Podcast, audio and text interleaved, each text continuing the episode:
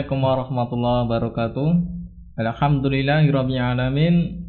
Uh, puji syukur kehadirat Allah SWT dan juga terima kasih pemirsa channel dakwah Solo di acara podcast Ramadan ya yang senantiasa akan uh, menemani antum-antum semua untuk uh, menunggu berbuka puasa ya bersama kita kali ini dengan uh, trainer Yuk Ngaji Solo ya Masya Allah Ustadz Tovan Alhamdulillah. Assalamualaikum Ustadz Waalaikumsalam warahmatullahi wabarakatuh. Ya. Teman semuanya Mas Tiawan. Alhamdulillah. Eh, gimana puasanya Mas?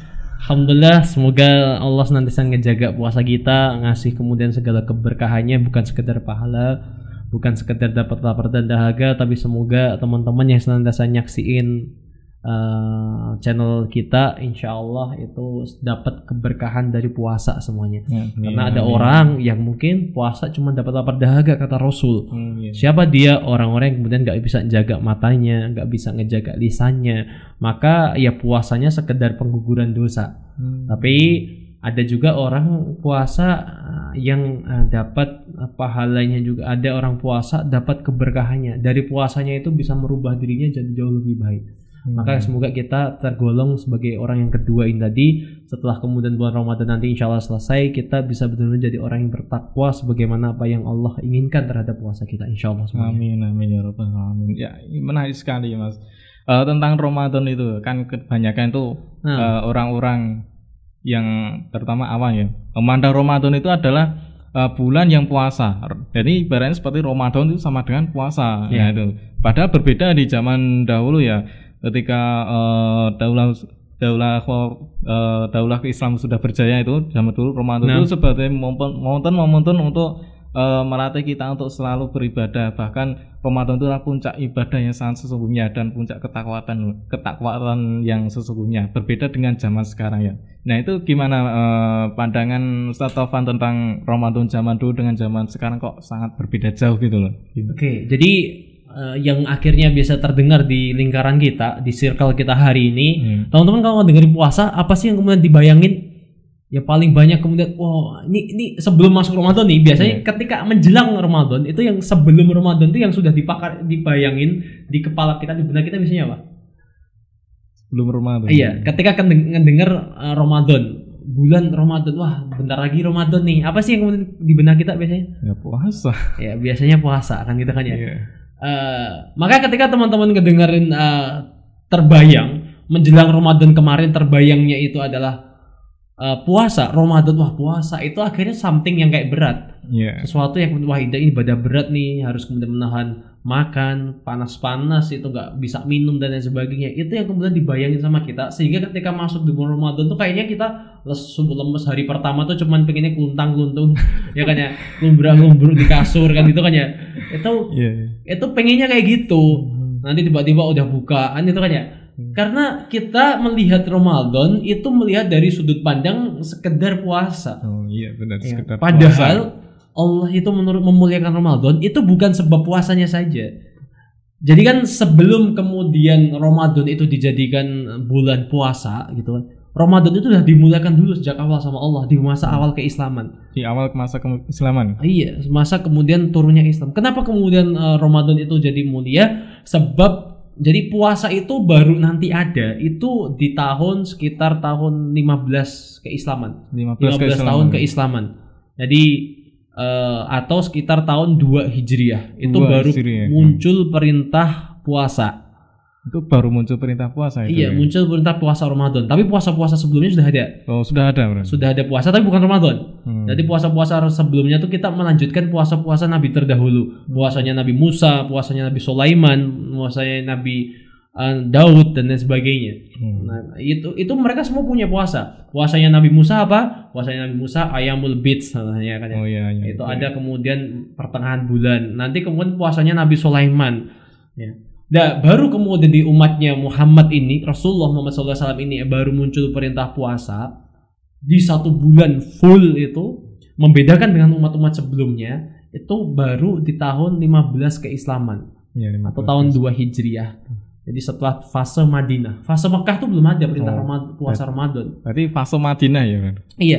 Terus apa yang kemudian membuat Ramadan ini mulia? Yang kemudian orang-orang senang ketika Ramadan bahkan sebelum turunnya ro- uh, puasa ya sebab di bulan Ramadan itu Allah kemudian menurunkan sebuah huda huda linnas. Jadi menurunkan syahrul ramadhana unzila fihil quran. Huda linnas wal bayinati minal huda wal furqan kata Allah.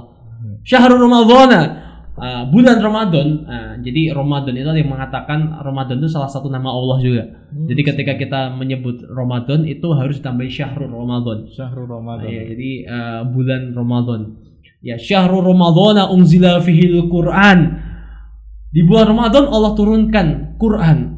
Ya, hudalinas sebagai petunjuk manusia, bukan sekedar hudalil muslimin, tapi hudalinas berbeda mungkin dengan umat-umat sebelumnya Bani Israel. Maka ketika Allah utus para nabi di antara Bani Israel, yaitu menjadi petunjuk dari orang-orang Bani Israel salah satunya. Hmm. Ya kan ya.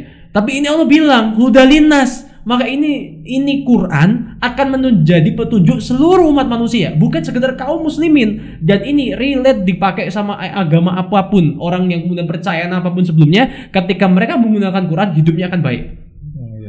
Bedanya Huda Linas dengan Huda Muslimin tadi. Iya, dari karena ini eh, menjadi petunjuk manusia gitu. Seluruh manusia bukan sekedar orang-orang Islam saja. Maka kalau ada orang kafir kemudian mengambil kebaikan-kebaikan dari Quran ya pasti benar akan baik.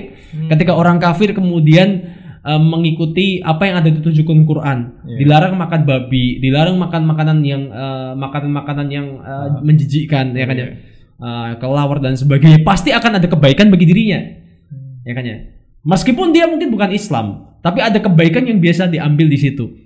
Um, dan ini kemudian lanjutin ayatnya lagi syahrul ramadan unzila fil quran hudalin nas wal bayinati minal huda wal furqan. Wal bayinah wal bayinat apa? Sebagai penjelas. Penjelas. wal huda uh, wal bayinati uh, wal bayinati minal huda wal furqan. Sebagai penjelas dan petunjuk serta pembeda penjelasnya pak ya kalau zaman dulu nabi-nabi terdahulu tuh turun ayat turun kemudian kitabullah tapi penjelasnya tuh bukan di kitabnya jadi penjelas bahwa ini nabi itu Musa itu nabi itu bukan di kitab Tauratnya Bukan di kitab Tauratnya. Iya, tapi dia apa? Karena orang orang-orang zaman dulu tuh harus ngelihat, mereka percaya baru setelah ngelihat. Jadi Hmm. eh akhirnya Allah menurunkan mukjizat pada Musa. Kalau pengen yakin Musa itu nabi, coba lu eh, ketukin eh, ularnya, eh, ketukin tongkatnya jadi ular. Hmm. Eh, Musa kemudian menghilangkan wabah penyakit. Musa kemudian membelah lautan. Itu orang tuh baru sadar. Oh, ini tuh nabi loh, gitu loh. Lihat baru percaya gitu. Iya baru percaya. Ini lihat dulu baru percaya orang-orang dahulu. Tapi di dalam Quran Allah udah bilang minal uh, wal bayinati. Uh, unzila fil Quran wal bayinati Allah turunkan Quran sebagai penjelas wal huda minal huda wal furqan. Jadi sebagai penjelas ini sudah Quran ini sudah cukup. Nggak perlu kemudian Nabi Muhammad harus hidupin orang mati supaya mereka percaya. Nggak perlu Nabi Muhammad untuk kemudian harus membelah lautan sehingga orang percaya. Nabi Muhammad harus kemudian membelah bulan sehingga orang percaya. Enggak.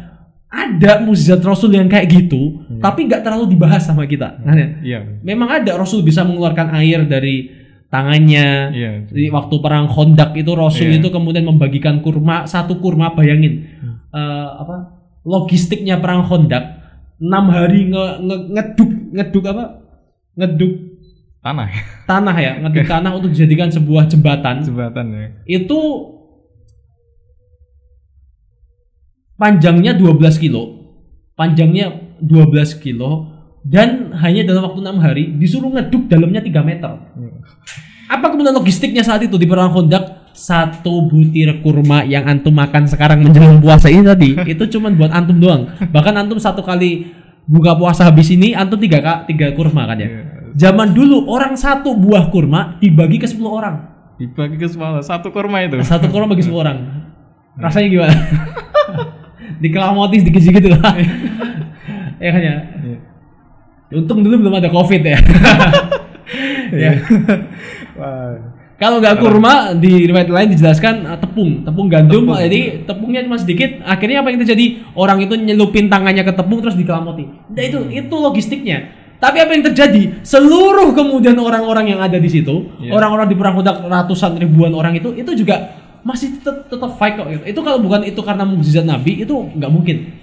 Orang bisa bertahan selama itu. Kerja rodi ya nggak sih itu beliau. Iya benar ya. Kan pada itu kan eh, di Madi kan panas kayak karena tanah panas dan jangan bayangin tanahnya kayak tanah Jawa. Iya. tanahnya satu tuh bebatuan terja bebatuan. Jadi kayak zaman orang kayak sekarang tuh mungkin eh, di eh, apa ya tempat-tempat kayak Ngawi atau kemudian Gunung Kidul ya. sing isine watu-watu tok itu loh. Yang waktu ngeduk tuh harus pakai linggis.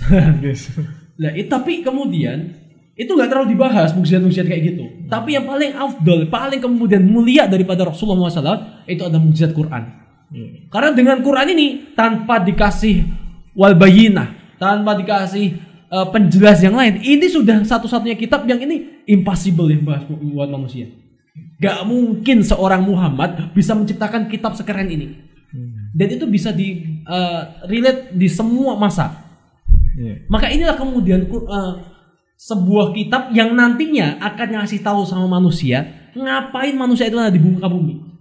Karena sebelumnya tuh orang tuh pada lupa, mereka tuh nggak tahu tujuan mereka di muka bumi. Akhirnya mereka habiskan waktu buat kemudian foya-foya, mereka habiskan waktu buat ngalor ngidul. Mereka nggak tahu ngerti caranya ngerawat bumi ini dengan baik. Akhirnya semua terjadi kerusakan. Tapi dengan kemudian huda, dengan hudal yang kemudian Allah turunkan melalui Al-Quran di bulan Ramadan, Iya. jadi turunnya tuh bulan Ramadan. Sebab dulu tuh eh, Rasulullah itu di usianya hampir 40 tahun, itu beliau melihat bertafakur, menyendiri, itu memikirkan nasibnya orang Mekah. Orang Mekah ini ya Allah, masya Allah, orangnya tuh eh, jahil banget, orangnya tuh bodoh-bodohnya, bodohnya bodoh bodoh kuadrat gitu ya.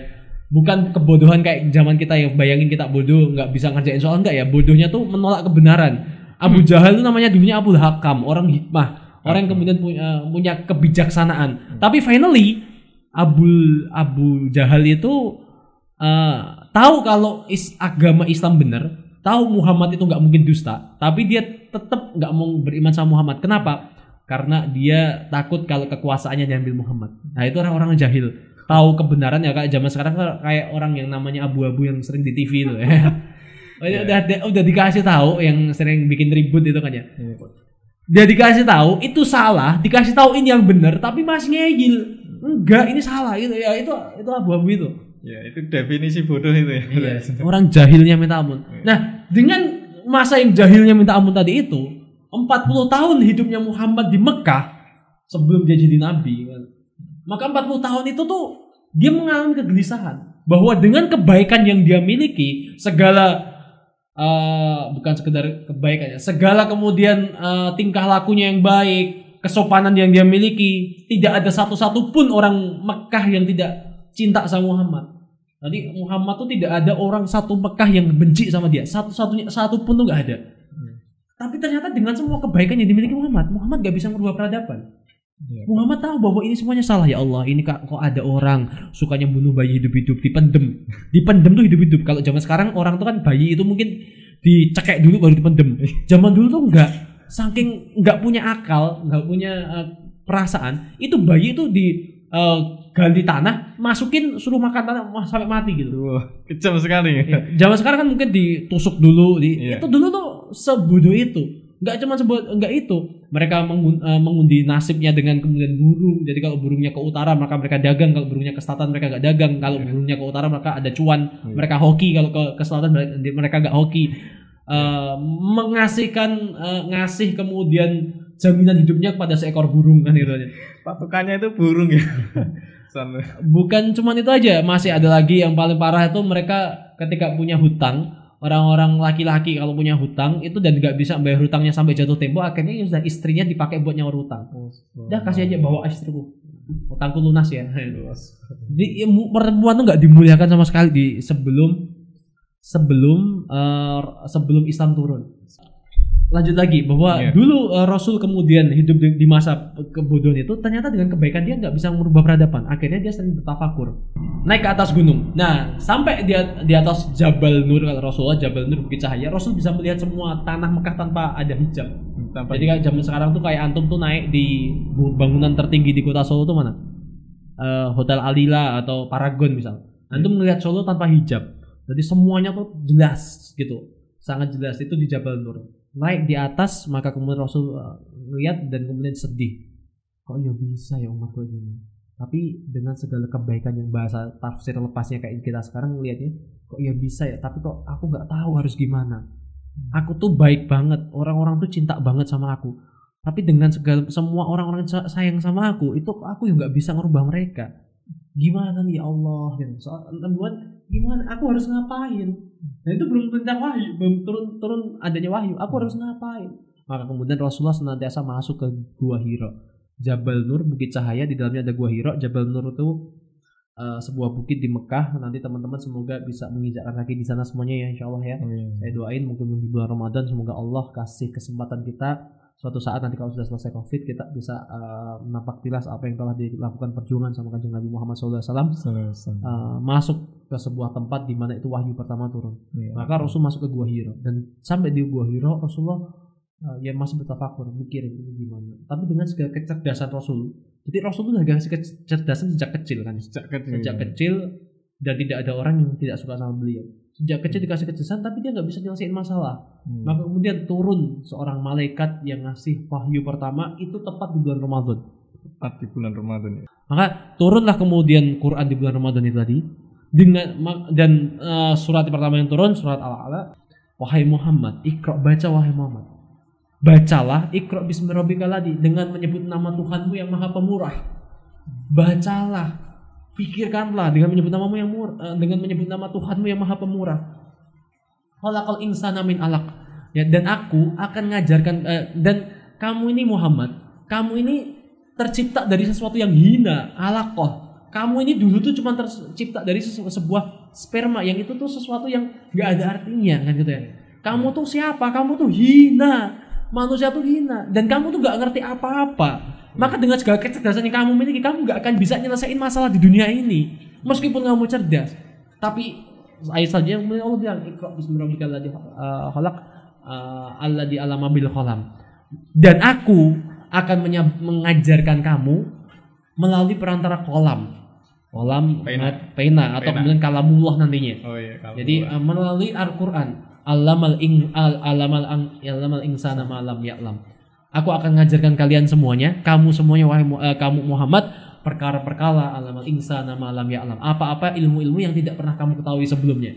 Sebab nyelesain masa dunia ini nggak bisa hanya dengan kecerdasanmu Muhammad. Maka inilah kemudian aku akan turunkan sebuah Quran nantinya seluruhnya bahasanya gitu kamu tuh hina wahai Muhammad. Kamu tuh cuma dari sperma kan biasanya gitu kan. Dari kemudian alakoh saja. Se- sebuah eh, apa ya eh, segumpal darah segumpal saja kemudian jadi orang seperti kita. Maka kamu nggak akan bisa nyelesain. Tapi dengan kolamku ini dengan kemudian kalamullah nanti aku akan mengajarkan kamu perkara-perkara yang tidak kamu ketahui sebelumnya. Dan dengan itu kamu bisa menyelesaikan masalah-masalah yang ada di Mekah segala kegelisahanmu tentang Mekah yang kamu pikirkan setiap hari naik ke bukit ini insya Allah akan kelas selesai dengan kemudian apa yang aku tunjukkan. Maka itulah kemudian sejak saat itu kemudian umat bang sejak saat itulah itu hari pertama kebangkitannya umat. Bangsa Arab yang dulunya kemudian tidak pernah difikirkan oleh bangsa Romawi Persia untuk ditaklukkan. Romawi Persia itu selalu ribut buat naklukin tempat mereka masing-masing. Romawi itu batasnya di Palestina mereka berusaha ngambil wilayah Irak Iran sekarang iya Persia juga berusaha ngambil wilayah Romawi, Romawi. rebutan terus iya tapi ada satu tanah yang pernah tidak pernah direbutkan mereka iya tanah Mekah, tanah Arab itu tidak pernah direbutin sama mereka. Kenapa? Ini orangnya udik-udik bahasanya. Udik-udik Orangnya orangnya tuh orang eh, keterbelakangan ya tadi jahil tadi loh. Iya. Orangnya tuh nggak apa sih makan kurma, air susah gitu kan ya. Peradabannya nggak perlu dipikirkan sama sekali. Tapi ternyata masya Allah antum lihat setelah kemudian turunnya Quran, setelah kemudian turunnya surat a- a- surat yang pertama wahyu yang pertama turun dan kemudian di- dilanjutkan wahyu-wahyu selanjutnya ngasih tahu tujuan manusia di muka bumi akhirnya sebuah bangsa Arab bangsa yang tidak pernah difikirkan oleh Romawi Persia bangsa yang dulunya kemunduran jahil bodoh. Mereka kemudian haji dengan telanjang. Tapi kemudian hanya dalam kurun waktu 30 sampai 50 tahun bangsa Arab bisa kemudian menaklukkan bangsa Persia yang kemudian tegaknya sudah ribuan tahun lamanya. Ya berarti itu yang membuat bangkit eh, kebangkitan pertama itu Al-Qur'an ya. Al-Quran. Ramadan itu Quran. Karena nggak bisa dipisahkan. Ramadan Quran. Makanya teman-teman di bulan Ramadan bukan jangan sekedar membaca Qurannya saja. Iya. Jangan sekedar kemudian punya eh, azabnya untuk menghatamkan saja. tapi harus kemudian bisa mentadaburinya. Tadaburi. Iya, memahami isinya Quran. Kalau antum nggak bisa memahami isi Quran, gimana kita bisa memahami kalamullah? Iya. Karena Quran ini sangat eh, sangat impossible sekali kalau diciptakan oleh manusia. Nggak mungkin Muhammad bisa mengatakan perkataan seindah itu. Dan itu diakui oleh bangsa Arab. Dan dia juga dianggap sama Allah di sini minal huda eh, wal bayinah wal bayinah sebagai penjelas. Minal huda juga ya sebagai petunjuk. Jadi penjelas karena kalau di agama-agama sebelumnya penjelas itu melalui mukjizat yang lain. Kayak Nabi Nabi Musa dia turun ayat kepada dia ketika Nabi Musa ngasih tahu ke umatnya, umatnya kadang nggak percaya. Nah supaya umatnya percaya itu Nabi Musa itu harus ng- ngetuk laut supaya kemudian terbelah. Nabi Isa harus kemudian eh, bangunin orang mati kan ini. Berarti harus membuktikan dulu baru percaya. Membuktikan dulu dari mata ya kan eh, orang-orang mati dihidupkan dulu akhirnya oh ini benar Nabi nih gitu kan ya. Tapi perkaranya, pertanyaan kepada saya ke antum, kalau ternyata Nabi Muhammad harus kayak gitu, Iya. untuk kemudian ngebuktiin mukjizat, ngebuktiin Quran ini bener harus dengan kemudian ngebangkitin mayat yang hidup. Kira-kira apa yang terjadi sekarang? Kalau antum dakwah gimana? Ya agak susah karena kan kita, eh, kalau misalnya hanya percaya sama eh, tidak bisa membuktikan Al-Quran tadi ya, itu sangat susah sekali untuk berdakwah kan. Iya, kalau kemudian itu yang masih dipakai sama Allah untuk kemudian di ag- agama akhir zaman dan sudah nggak ada lagi kenabian, Iya. ini saya kemudian kalau mau nyampein Islam di tengah-tengah Amerika gitu kan ya. saya harus ngasih, Tovan, coba dong kamu mati. Kalau kamu benar-benar kemudian agamu bener, nih coba nih eh, hidupin orang mati ini. Kalau kamu benar coba belah lautan, coba belah kemudian bulan. Ini impossible. Makanya kemudian Al-Qur'an ini minal huda aja sebagai kemudian sebagai eh, sebagai wal bayyinah, sebagai penjelas kalian. Karena apa? Seluruhnya di dalam Quran ini sudah impossible. Kalau dibuat oleh manusia, apa-apa yang dikatakan sama Quran itu impossible. Itu kalau antum tahu, gitu kan ya. Ya, di mana kemudian Al-Quran ngomongin banyak ayat tentang sejarah, tentang sains, tentang masa depan, tentang kemudian balagohnya Arab yang sangat tinggi. Itu kalau kemudian difahami itu masya Allah ini impossible Muhammad ngomong ini. Masa depan contoh, Rasul sudah ngomong kalau nanti ada surat namanya Al-Lahab. Surat Al-Lahab itu ngomongin tentang apa coba? Tentang Abu Abu Lahab yang nantinya tempatnya di neraka. neraka. Pertanyaannya, apakah ketika Rasul ngomong Abu Lahab tempatnya di neraka itu Abu Lahab sudah meninggal? Belum. Belum, Abu Lahab masih hidup. Masih itu. Tapi piye carane akhirnya Abu Lahab menggagalkan bahwa mengatakan agamanya Muhammad ini dusta? Gimana caranya? Ya, mau caranya Abu Lahab itu mengatakan bahwa bahwa ini adalah karangan Muhammad tadi gitu. Oh, Surat-suratnya tadi Iya. ya, karangan-karangan. Kalau mau membuktikan bahwa Islam itu salah, tinggal aja Abu Lahab masuk Islam. Kan ya? Kan Abu Lahab dikatakan sama Muhammad, Abu Lahab tempatnya di neraka. Iya. Kalau nanti Abu Lahab convert ke Islam, berarti Abu Lahab tempatnya tidak di neraka. kan ya? Dia akan masuk surga nantinya. Dan itu gampang bagi Muhammad eh, Abu Lahab buat ga- Abu Lahab buat ngatain bahwa eh, membuktikan ag- agama Muhammad salah. Tapi ternyata enggak. Sampai mati Abu Lahab juga tetap masuk dalam eh, masuk dalam, dalam keadaan kafir. Gitu. Ini menarik sekali ini berbicara tentang kebangkitan ya. Bahwa Kebangkitan pertama itu karena Quran ya. Nah, Quran. Karena Iya. Quran itu nanti bisa bisa kemudian ngasih tahu kenapa kita di bumi, bagaimana kita menjalani kehidupan, Iya. bagaimana kita harus berekonomi dengan baik. Kesalahan kita sekarang, ekonomi kita jatuh, kemudian kepemimpinan kita berantakan. Itu sebab apa? Kita nggak pernah buka Quran. Ya pernah buka surat. Iya, kita nggak pernah nyari tahu. Oh, cara bertetangga yang baik itu apa gimana sih? Di Quran dijelasin. Oh, cara kemudian memimpin baik yang baik itu seperti apa sih? Itu ada petunjuknya sebuah. Itu hudalinas. Jadi kalau cara makan yang benar gimana sih gitu. Makanan-makanan yang dihalalkan apa sih? Kalau kalian nurut apa yang kemudian Allah turunkan nah itu tadi. Kelas. Insya Allah nggak ada corona. Ya, kan ya? masalahnya kan sekarang nurutnya sama barat ya. iya. Mereka membukanya bukan membuka kemudian kitab kitab-kitab Quran, kitab-kitab para ulama yang kemudian turunannya Quran, tapi ngebukanya ketika mereka bingung bukanya kitab-kitabnya orang kafir. Ya akhirnya peradaban berantakan. Maka kalau teman-teman mau bangsa Arab saja yang tadi saya bilang, dia cuma 30 tahun, eh 30 kurun waktu 30 50 tahun. Dulunya bangsa yang tidak diperhitungkan sama kalian Roma Romawi Persia, tiba-tiba hanya dalam kurun 30 50 tahun terinstal Islam di dalamnya, dia bisa, jadi bangsa yang maju. Bangsa yang kemudian diperhitungkan bahkan eh, lima abad kemudian, bahkan atau 10 abad kemudian dia bisa mengambil alih seluruh dua per tiga dunia Dua per tiga. Sangat dari bangsa biasa Arab yang ya. cuman se- secuplik kota Mekah Iya, di- disepelekan oleh Romawi dan Persia. Romawi ini. Persia nggak pernah diperhitungkan. Jadi Roma, Romawi itu cuma mikirin musuhku Persia. Persia juga mikir musuhku Romawi. Itu bangsa Mekah tuh nggak pernah diperhitungkan sama sekali. Tapi sebuah tempat yang tidak diperhitungkan itulah ternyata masya Allah nantinya akan menghancurkan kedua kekuatan besar di timur dan barat. Kenapa? Sebab mereka punya Quran. Orang bangsa Arab, orang kemudian Sayyidina Bil- Bilal bin Robah, ada kemudian Sayyidina Umar bin Khattab ketika terinstall Quran, maka mereka jadi orang yang luar biasa. Bangsa Arab yang dulunya banyak orang yang jahil, terinstall Islam, jadi orang terinstall Islam eh, melalui Quran tadi itu, terinstall Quran dan kemudian memahami Islam dengan baik, akhirnya mereka bisa menjadi bangsa yang mulia, bangsa yang besar. Kalau bangsa Arab saja dengan turunnya Quran di bulan Ramadan jadi mulia, pasti dengan kita dimasukkan kita dikasihkan Allah dikasih kesempatan hari ini ketemu sama Ramadan ini pasti Allah juga punya reasons yang kuat bahwa setelah Ramadan ini kita akan jadi seseorang seperti apa. Nah makanya kita tinggal menjalankan free will kita kehendak bebas kita untuk ber- berubah sebaik-baiknya sehingga setelah Ramadan ini kita benar-benar jadi bangsa yang orang-orang yang mulia insya Allah. Ya, masya Allah ya. eh, sangat luar biasa lah sekali penjelasan dari Ustaz Taufan tentang eh, kebangkitan umat yang pertama itu adalah karena Quran ya. Jadi kalau kita misalnya mau bagi itu harus pegang Quran dulu dan juga memahaminya ya, masya Allah ya. Eh, Syukran jazakallahu khair untuk Ustaz Taufan ya atas penjelasan eh, pada sore kali ini ya, masya Allah semoga bermanfaat untuk pemirsa dan. Solo dan juga eh, dari saya jika, jika misalnya saya ada yang salah kata atau perbuatan saya mohon maaf. Bila taufik hidayah. Wassalamualaikum warahmatullahi wabarakatuh. Waalaikumsalam warahmatullahi wabarakatuh Thank you.